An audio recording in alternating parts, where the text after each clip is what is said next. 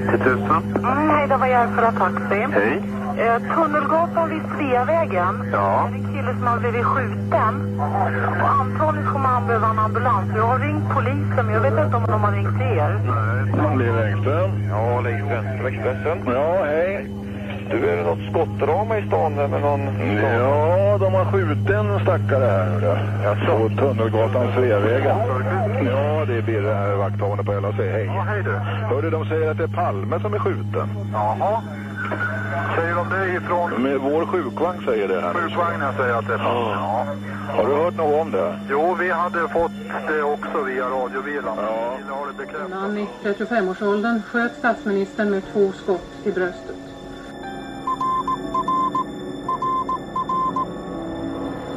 Sveriges statsminister Olof Palme är död.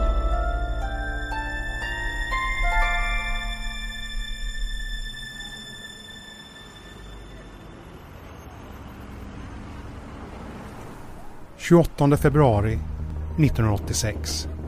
Det är fredag kväll och klockan är 23.21 när två smällar ekar mellan husen på Sveavägen i centrala Stockholm.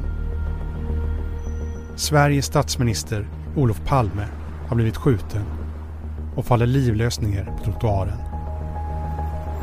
Hustrun Lisbeth blir också beskjuten men klarar sig tack vare en osannolik tur. Hon ser hur mördaren stannar upp och tittar på henne för att sen springa från platsen. En taxichaufför som stannat för rött ljus blir vittne och larmar polisen. 90 000. Ja, det är mord på Sveavägen. Prata med polisen. Mord på Sveavägen. Ja, vad?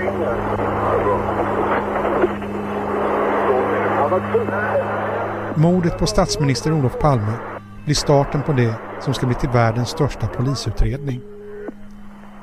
Aftonbladet uppmärksammar nu 30-årsdagen. Under de här åren har den ena teorin avlöst den andra om vem som var inblandad i mordet. Ingen av dem har visat sig ha tillräcklig substans. Därför blev jag som reporter nyfiken på att prata med dem som var med när det hände. Jag gick till vårt bildarkiv här på Aftonbladet och fastnade för fyra fotografier. Av de tusentals fotografier som togs tycker jag att de här visar kärnan av det som hände. Och nu går jag tillbaka dit. I tre avsnitt kommer du att få höra polisen Kjell Östling som var först med att starta jakten på gärningsmannen. Annika Billström som var med och drog kistan i sorgekortegen. Sonen Mårten Palme och Sonny Björk, kriminaltekniker i Palmeutredningen. I det här avsnittet tänkte jag utgå från bilden på en av de första poliserna på plats. Tagen framför en piketbuss med öppna sidodörrar direkt efter mordet.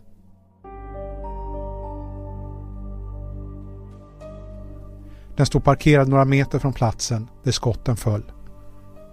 På bilden ser vi in i bussen på gruppchefen Kjell Östling.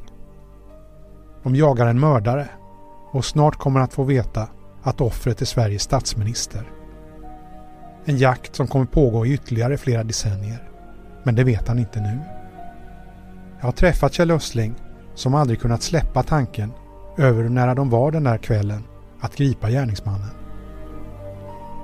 Du kommer också få höra Sonny Björk om hur gärningsmannen agerade vid mordet. Och sonen, Mårten, som var med sin pappa bara minuter innan han mördades. Det här är första avsnittet i en poddserie från Aftonbladet som uppmärksammar 30-årsdagen av Palmemordet.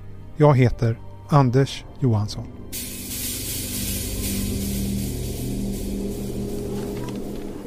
Vad är din första tanke när du ser den här bilden? Ja, det är väl egentligen hur, hur nära var vi, vad skulle vi ha gjort och varför är inte fallet löst ännu. Det är väl det jag tänker på.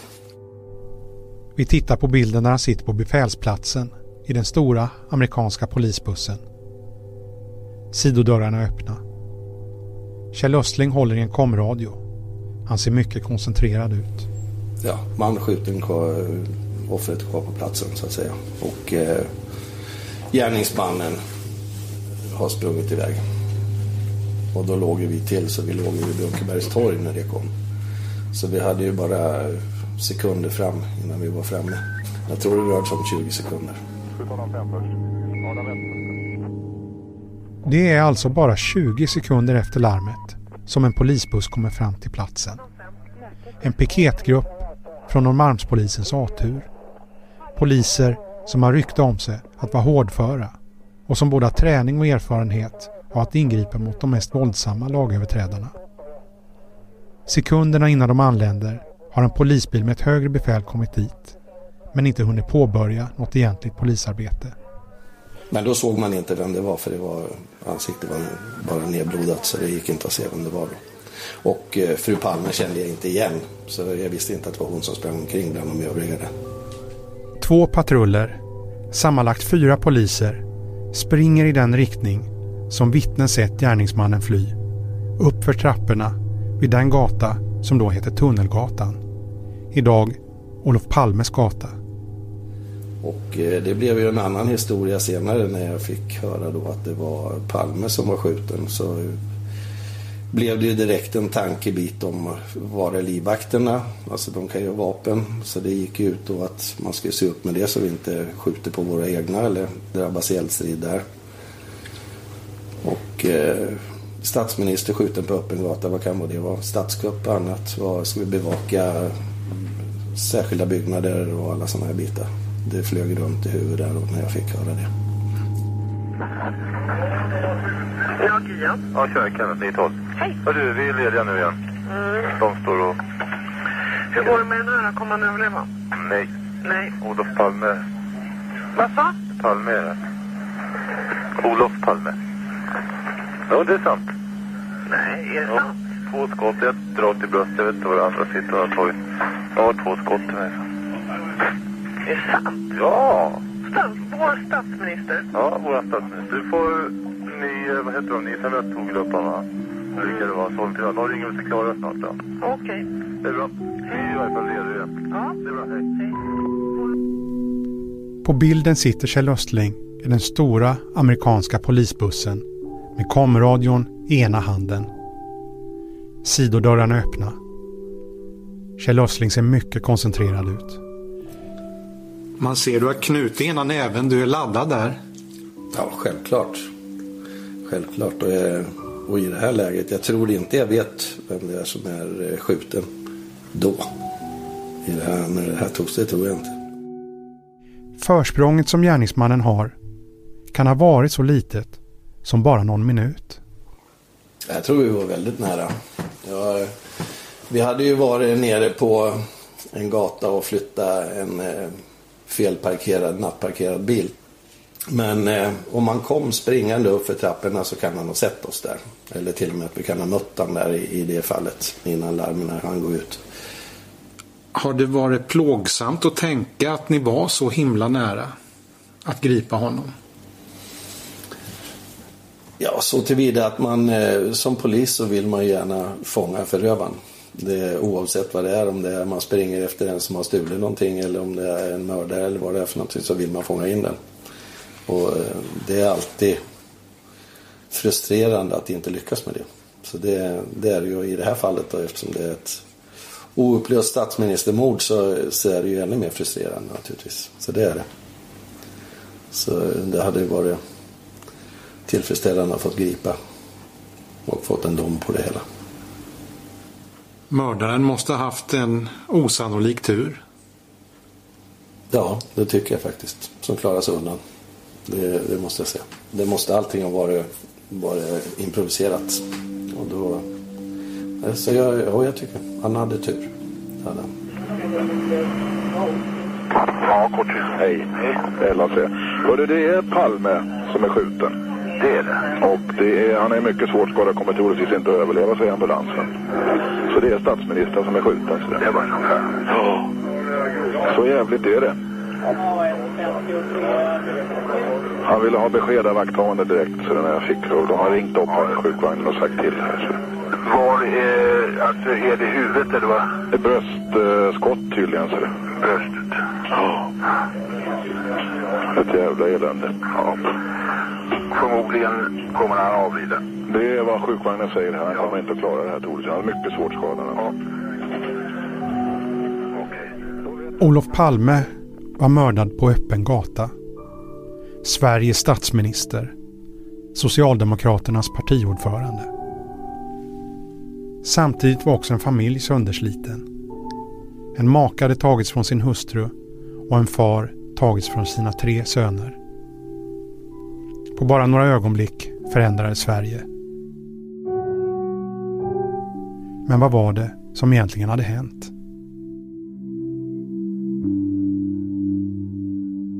Jag hatar opera och teater som inte erkänner och tar tillvara tystnaden. Makarna Olof och Lisbeth Palme hade varit på bio. Tillsammans med sonen Mårten, som då var 24 år, och hans dåvarande flickvän, hade de sett filmen Bröderna Mozart. Jag, jag tycker inte att vi ska ta ifrån Mozart hans ansvar. Att de skulle se filmen tillsammans var något som bestämdes bara kort tidigare samma kväll. Polisens utredare tror därför att det är vid biografen som gärningsmannen inleder mordplanen utan någon egentlig förberedelse. Ja, han, han ser ju dem naturligtvis gå in på, på, på filmen där, den här filmen Mozart tror jag det var. Och han vet hur lång tid filmen varar. Han, han vet ju att den tar kanske cirka två timmar. Vi hör Sonny Björk, som ansvarade för vapendelen i Palmeutredningen, berätta om vad han tror. Han har möjlighet att, att skaffa fram det här vapnet som man vet vad det finns enligt uppgift. Ammunition också. Och beväpna sig med det. Gå tillbaka till biografen Grand eh, när filmen slutar då och eh, vänta utanför och sen följa efter dem då. Iaktta dem och följa efter dem. Makarna Palme kommer ut på gatan och står ute ett tag och pratar lite om filmen med sonen Mårten och hans flickvän. Klockan är då några minuter över elva på kvällen. De skiljs sen åt och går åt varsitt håll. Statsministerparet promenerar längs Sveavägen på väg hem mot bostaden i Gamla stan. Just den här kvällen har de inte sällskap av några livvakter. Makarna Palme går över Sveavägen och fortsätter på dess östra sida. När de befinner sig vid korsningen Sveavägen-Tunnelgatan går gärningsmannen fram på mycket nära håll och avlossar det första skottet bakifrån. Vapnet är en grovkalibrig revolver. Troligen en Smith Wesson 357 Magnum. Mycket tyder på att gärningsmannen följt efter sina offer. Och nu plötsligt slår han till. Jag tror att han, han har nog bara tagit fram vapnet och skjutit, siktat och skjutit Olof Palme i ryggen då. Eh, och sen skjuter han ju skottet med ryggen på Lisbeth Palme. Men att han, att han inte träffar, han träffar ju Lisbeth Palme men det går ju genom kläderna och gör ett, så att säga, ett rött streck ut med ryggen. Och när han då skjuter andra skottet så är hon sannolikt på väg ner.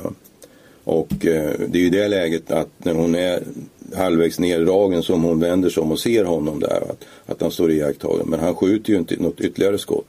Och det kan ju bero på att han bara hade två patroner i trumman eller att han bestämde sig för att inte skjuta något mer skott. Det, det, hade det varit en yrkesmördare och, och, och uppgiften var att skjuta båda två så hade han naturligtvis skjutit flera skott. Och även flera skott mot Olof Palme där. En 17-årig sjuksköterskestudent och hennes jämnåriga kompis var också på väg hem från en biograf och åker på gatan precis efter att gärningsmannen slagit till. Hon ser hur han försvinner springande. Hon ser också hur en man ligger på gatan och hon springer fram. Han blöder i munnen och näsan och saknar puls. Hon påbörjar omedelbart hjärt och lungräddning. Som polismannen Kjell Östling bedömer det gör han det precis enligt skolboken så han kan inrikta sig på det akut polisiära. Den 17-åriga sköterskeeleven vet inte att Olof Palme hon då försöker återuppliva. Ambulansen kör i ilfart till närmaste sjukhus. Och både inom polis och sjukvård börjar en känsla av overklighet sprida sig. kunde det verkligen stämma att Sveriges statsminister var skjuten? Ja, Gia. Ja, Maria Nytorp. Hej. Hej. Det blev total förvirring här. Är det verkligen Olof Palme som är skjuten? Ja. Det är det. Och han är död? Ja. Eller han är inte dödförklarad, men... Han är inte dödförklarad, men det kan man väl nästan säga. Okej. Okay. Och det, det... Frun sitter där inne i rummet med en sköterska. Mm. Det, och det, det är inget tvivel om att det är han, alltså. Han är identifierad. Jag ska gå och kolla. Kenneth ska gå och kolla om han hittar någon legitimation. Mm. Men det är ju... Ja. Försvann du? Nej då.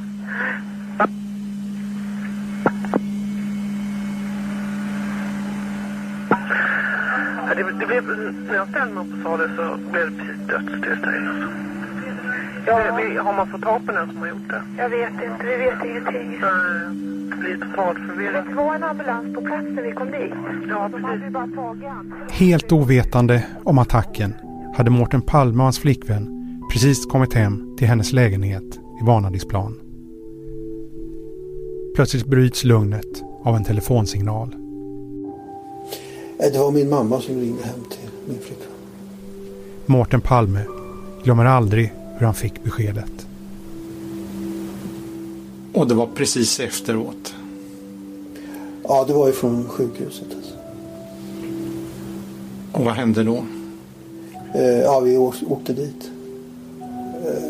Eh, vi fördes in i något rum där. Det var ju fullt med poliser där. Det var väldigt mycket poliser just i sjukhuset. Eh, då, och fick träffa en läkare rätt omgående och eh, eh, som sa att det inte gick att rädda livet på honom. Klockan 00.06 dödförklaras Olof Palme. Kommer du ihåg din reaktion när du fick det här samtalet från din mamma? Ja, jag blev chockad naturligtvis.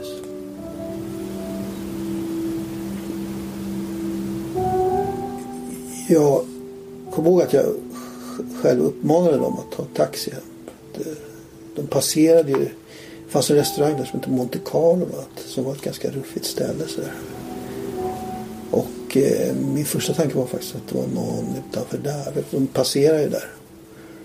Att eh, det var ju liksom ganska mycket, vad ska man säga, ruffiga typer som hängde där utanför. Att, att det var på något sätt att han hade att någon av dem hade eh, beskjutit honom då. Så det var min första tanke. Vad var det du hade sagt innan ni skildes? Nej, men jag sa att de eh, skulle borde ta en taxi men min pappa ville gå för att han hade eh, suttit hela dagen som han sa. Han ville, ta, ville sträcka på benen. Och han kände sig stel i benen så han ville ta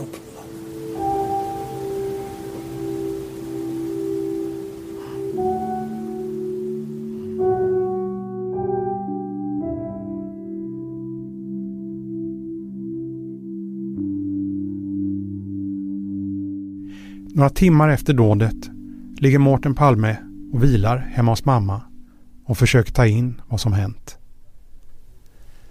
Plötsligt kommer en bild upp framför honom. Precis efter att de skilts efter biobesöket hade han sett en man som stod och tittade in i ett nersläckt skyltfönster. När hans föräldrar passerar förbi honom hade han vänt sig om efter dem. Och kanske hade han börjat följa efter dem. Mårten Palme sprang ner till poliserna som stod vakt ute på gatan utanför bostaden på Västerlånggatan. Och andra poliser hämtade sedan upp honom för att han skulle få avlägga ett vittnesmål. Det som han främst kom ihåg var att mannen hade ett fyrkantigt ansikte, smala läppar och en sammanbiten blick.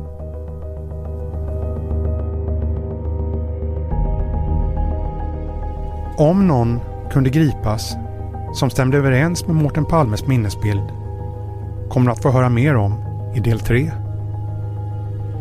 I nästa avsnitt får du höra om sorgen och saknaden efter Olof Palme. Hur var han som ledare för Sverige? Hur var han som pappa? Och fanns det någon beredskap för att något skulle kunna hända honom? Du har lyssnat på en nyhetspodd från Aftonbladet. Jag heter Anders Johansson. Producent var Nina Kruse.